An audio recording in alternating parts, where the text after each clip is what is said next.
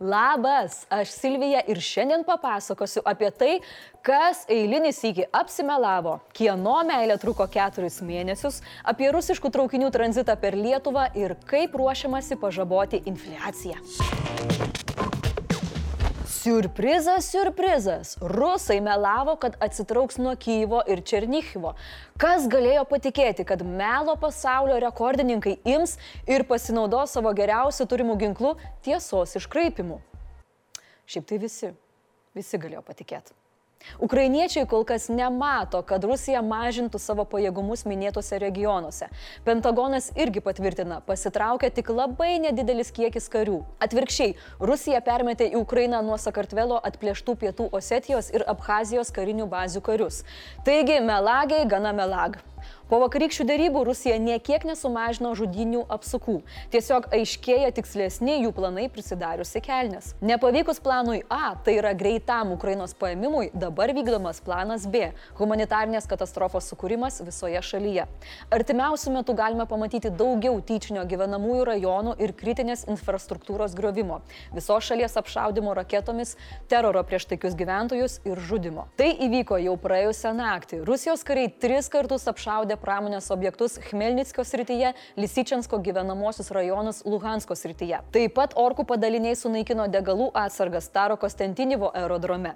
Donetskė irgi buvo nemažai apšaudimų bei anskridžių, kaip ir Kijeve ar Harkive. O Mariupolėje beširdžių suskių paėgos apšaudė Raudonojo kryžiaus ženklų pažymėtą pastatą. Tai dar vienas karo nusikaltimas į Putino žudikų nusikaltimų sąrašą. Mikolaivo regiono administracijos devinių aukštų pastate rasta 12 žuvusių žmonių, dar 34 žmonės buvo sužeisti. Gelbėjimo darbai tęsiasi, tačiau subinės iš Rusijos toliau apšaudo miestą. Rusiška klasika. Kalbant apie kiek geresnės naujienas, Zaporižės rytyje rusams nesiseka. Čia sunaikinta 18 okupantų, grad sistema ir tankas. Na, o Ukrainos jungtinės paėgos Donetsko ir Luhansko kryptimis ne tik atremė keturis polimus, bet ir sunaikino septynis tankus, septynis šarvuočius ir dvi transporto priemonės. Taip pat vieną priešo prieštankinį pabūklą MT-12. Dar viena galimai džiugi žinia atėjo iš Junktinės karalystės. Premjeras Borisas Johnsonas užsiminė, kad gal jau laikas perduoti ukrainiečiams mirtinesnės ginkluotės. Omenyje jis turi savo eigius artilerijos įrenginius AS-90, kurie nors ir pagaminti prieš 30 mečius tikrai gerai duotų į kaulus rusų padugnėms. Tikiuosi, kad tai neliks tik pažadais. Noriu priminti tiems, kurie dar nepaukojo Ukrainos pajėgoms. Tai padaryti dabar eikite į blueyellow.lt ir pagelbėkite. Slava Ukraini! Ar žinote, kiek trunka meilė? Teisingai, visiems skirtingai. Štai pavyzdžiui, Almai Adamkieniai su valdo įtrunka jau virš 70 metų, o štai Kristupo Krivicko ir Petro Gražulio meilė nutrūko jau po maždaug 4 mėnesių. Dar gruodį Krivickas pranešė prisijungiantis prie Gražulio politinio pasitikėjimo komandos, tapdamas jo patarėjų Seime.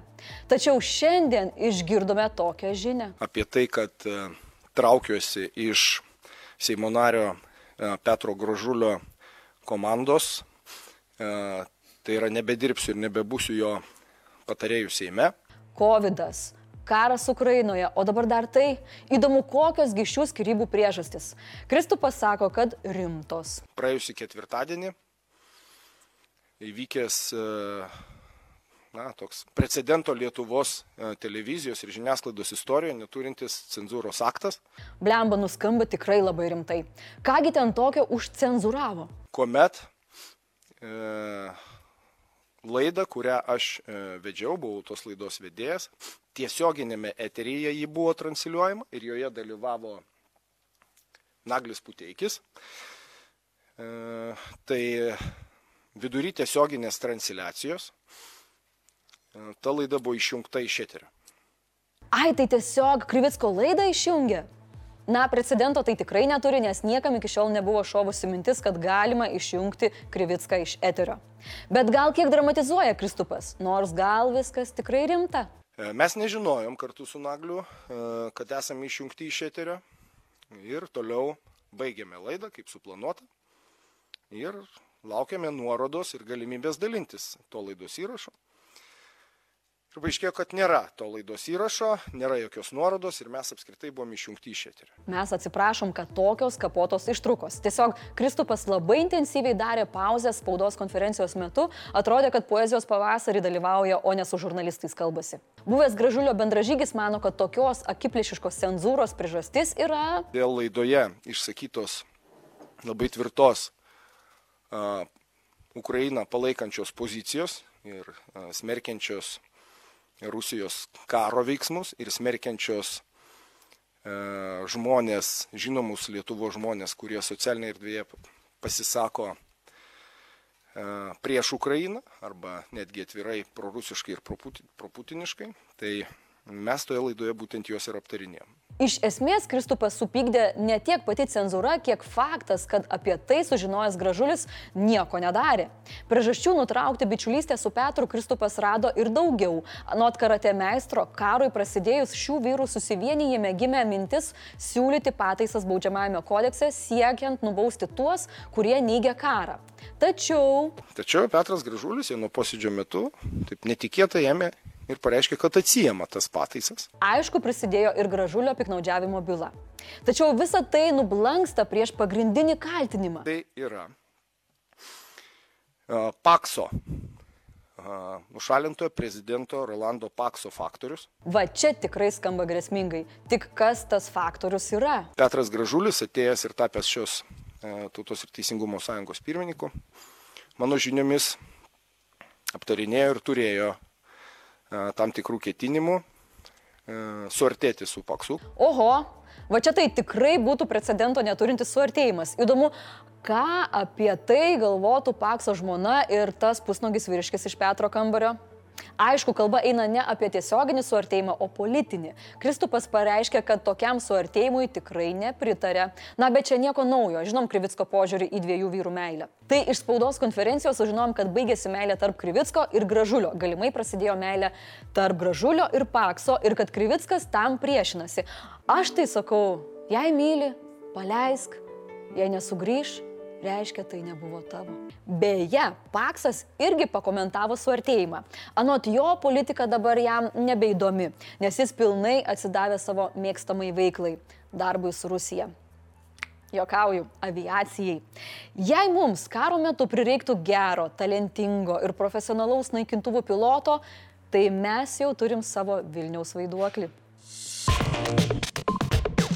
Nors karas vyksta jau virš mėnesio, Per Lietuvą iš Kaliningrado vis dar keliauja rusiški traukiniai.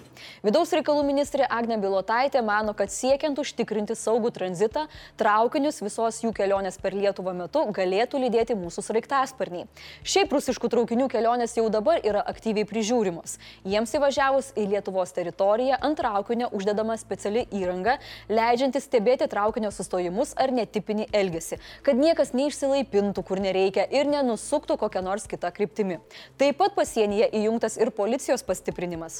Savame suprantama, kad veikia ir kariuomenė. Prieš traukiniu įvažiuojant į Lietuvą, kariai įvertina, ar jame nėra žalių žmogeliukų ar kitų dalykų susijusių su grėsme mums. Tik viską patikrinus traukinys gali dundėti toliau. Beje, net tie patys raiktasparniai jau seka tranzitu keliaujančius traukinius. Tiesiog tai daro ne visą laiką. Ketinama taip pat visą tranzito ruožą stebėti ne tik iš oro, o dar ir padengti jį kameromis.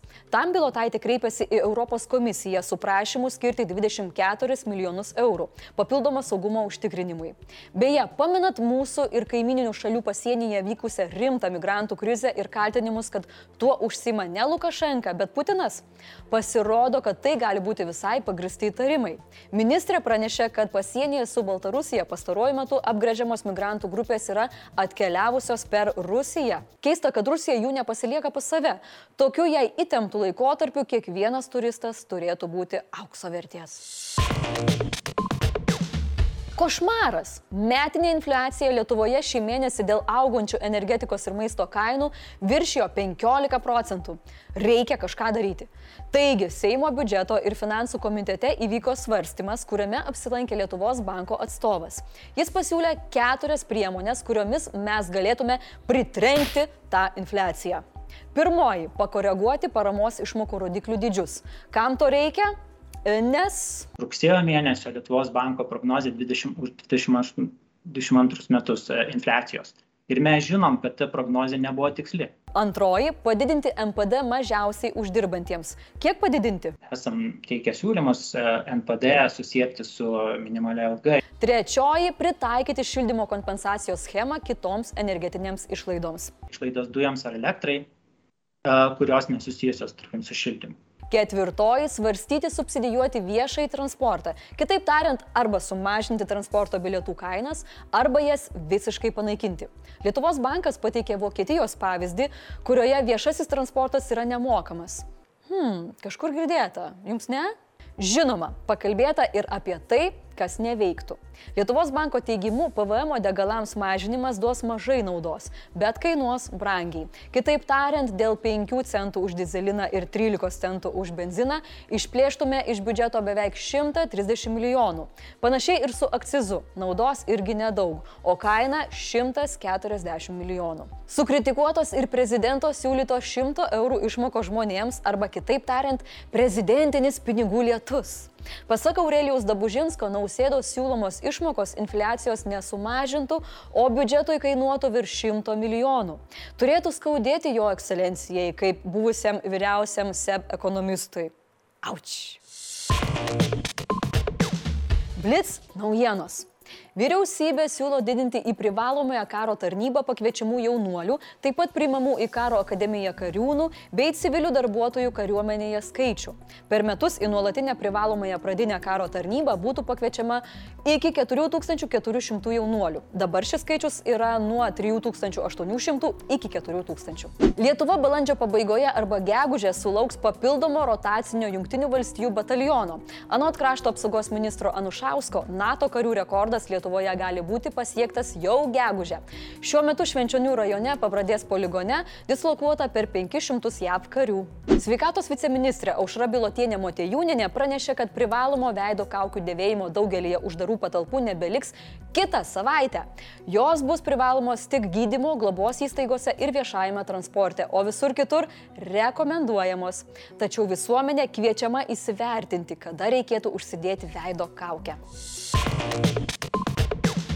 Draugai, ar jau deklaravote pajamas? Jeigu ne, skirkite 1,2 procentų Laisvės TV. Jūsų parama leidžia mums veikti, taigi prisidėkite prie veiksmo. O mes vis dar palaikom Ukrainą, remiam ir laukiam jų pergalės.